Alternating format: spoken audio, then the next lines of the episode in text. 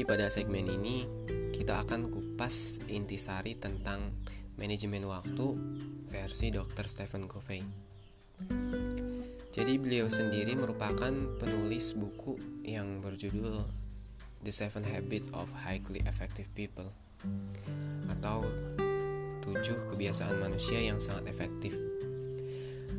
Buku ini menjadi salah satu yang paling populer hingga saat ini karena konten di dalamnya dapat terus bersanding dengan kemajuan perkembangan zaman. Bahas manajemen waktu rasanya pas banget gitu ya dengan keadaan sekarang. Jadi bukan hanya kita tapi di seluruh dunia juga sedang mengalami yang namanya pandemi COVID-19. Adanya pandemi ini membuat semua orang jadi memutar akal untuk beradaptasi dengan keadaan. Virus jenis ini tuh nyebelin banget gitu ya. Udah mah menular, terus nyerang imun dan sistem pernapasan. Dan jika terkena paparan virus ini, itu tuh bakal sesak dan lemes gitu ya. Dan juga lama gitu sembuhnya. Butuh waktu buat si imun ngebentuk benteng pertahanan biar bisa berperang gitu melawan si virus itu. Si COVID-19 generasi muda sih mending gitu ya. Jadi kan masih punya risiko keselamatan yang cukup tinggi gitu. Tapi orang-orang yang usia sepuh itu yang jadi prihatin gitu atas kehadiran virus ini tuh. Tapi ya berdoa saja semoga keadaan semuanya dapat segera membaik. Dan mudah-mudahan kita semua bisa beraktivitas normal kembali. Amin. Oke, okay, back to topic. Keadaan sekarang yang dirasakan adalah kayak seakan seperti aktivitas baru gitu ya. Dengan perbedaan habit yang biasanya dilakukan kita setiap hari. Semua aktivitas disarankan agar dilakukan di rumah. Nah, ini yang menjadi nilai ancaman nih bagi kita semua jika kita tidak bisa mengontrol jalannya kegiatan ya yang bis bisa dikatakan sebagian besar orang harus memulai dari nol lagi gitu untuk dapat terbiasa. Nah oleh karena itu dengan situasi dan kondisi sekarang itu tuh perlu banget yang namanya manajemen agar kehidupan kita semua dapat terorganisir dan berjalan dengan produktif untuk memaksimalkan agenda kita sekarang biar terus jadi produktif, salah satunya dengan pengoptimalan terhadap manajemen waktu. Ya, tentu saja ya. Jadi kayak aktivitas belajar, kerja, ibadah, dan kegiatan lain semuanya kudu dilakukan di rumah. Itu dalam rentang waktu tertentu tuh bisa banget tuh menyebabkan kita bosen kan. Kita jadi jenuh, dan males gitu ya? Karena kayak katak dalam tempurung gitu dan kayak orang di penjara. Iya satu dua hari sih oke okay, gitu. Cuman kan untuk beberapa bulan akhirnya kan enak juga. Nah ini yang membuat kita jadi bisa lalai terhadap nikmat Tuhan yang tidak lain adalah masalah ini menjadi tantangan bagi kita semuanya buat maksimal ini ya walaupun dengan keadaan yang berbeda. Semua harus dapat kita syukuri ketika kita masih dalam keadaan sehat. Maka bersyukur adalah yang paling tepat. Tinggal kita rencanakan semuanya nih dengan sistematis. Upayakan semua dapat berjalan normal dan kita lakuin itu lagi lagi dan lagi terus menjadi produktif. Oke, sekarang kita masuk pada pembahasan inti ya. Nah, buat para listener nih, harap lihat postingan di sebelah konten podcast ini sebelum melanjutkan ke pembahasan utama. Nah, di situ bisa kalian lihat informasi tentang matriks manajemen waktu dari gagasan Dr. Coffee tersebut.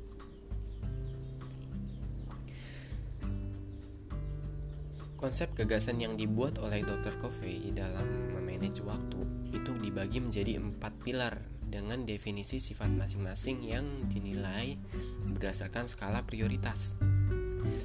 Oke, mulai dari kuadran 1. Berbagai aktivitas pada bagian ini itu punya definisi sifat yang penting dan mendesak. Urgent gitu ya. Nah, jadi pada kuadran 1 itu bagian yang paling wajib yang harus dilakukan terlebih dahulu sebelum beralih ke aktivitas yang lain. Dalam kehidupan sehari-hari misalnya, uh, hari es hari besok kita disuruh dosen untuk mengerjakan tugas mata kuliah rencana anggaran biaya. Kalau tidak dikumpulkan, maka akan mengulang tahun depan. Waduh, serem banget gitu ya. Tapi nah, ini kan jadi ada batasan waktu gitu ya yang menjadi tekanan atau nilai genting dari aktivitas pada kuadran satu ini.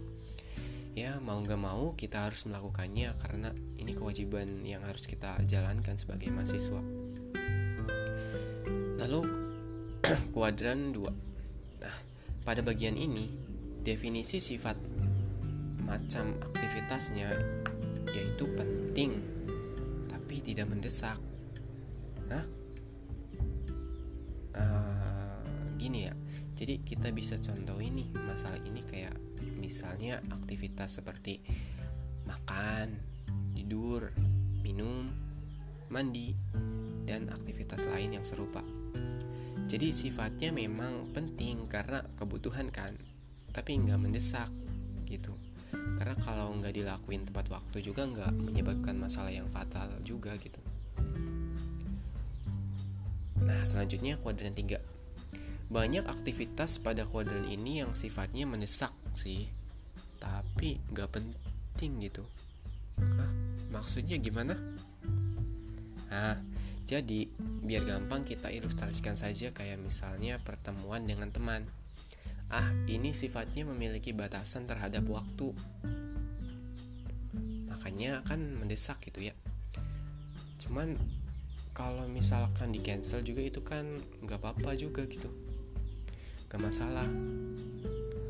Kecuali cancel orderan ojol. Aduh jangan kali itu Maya.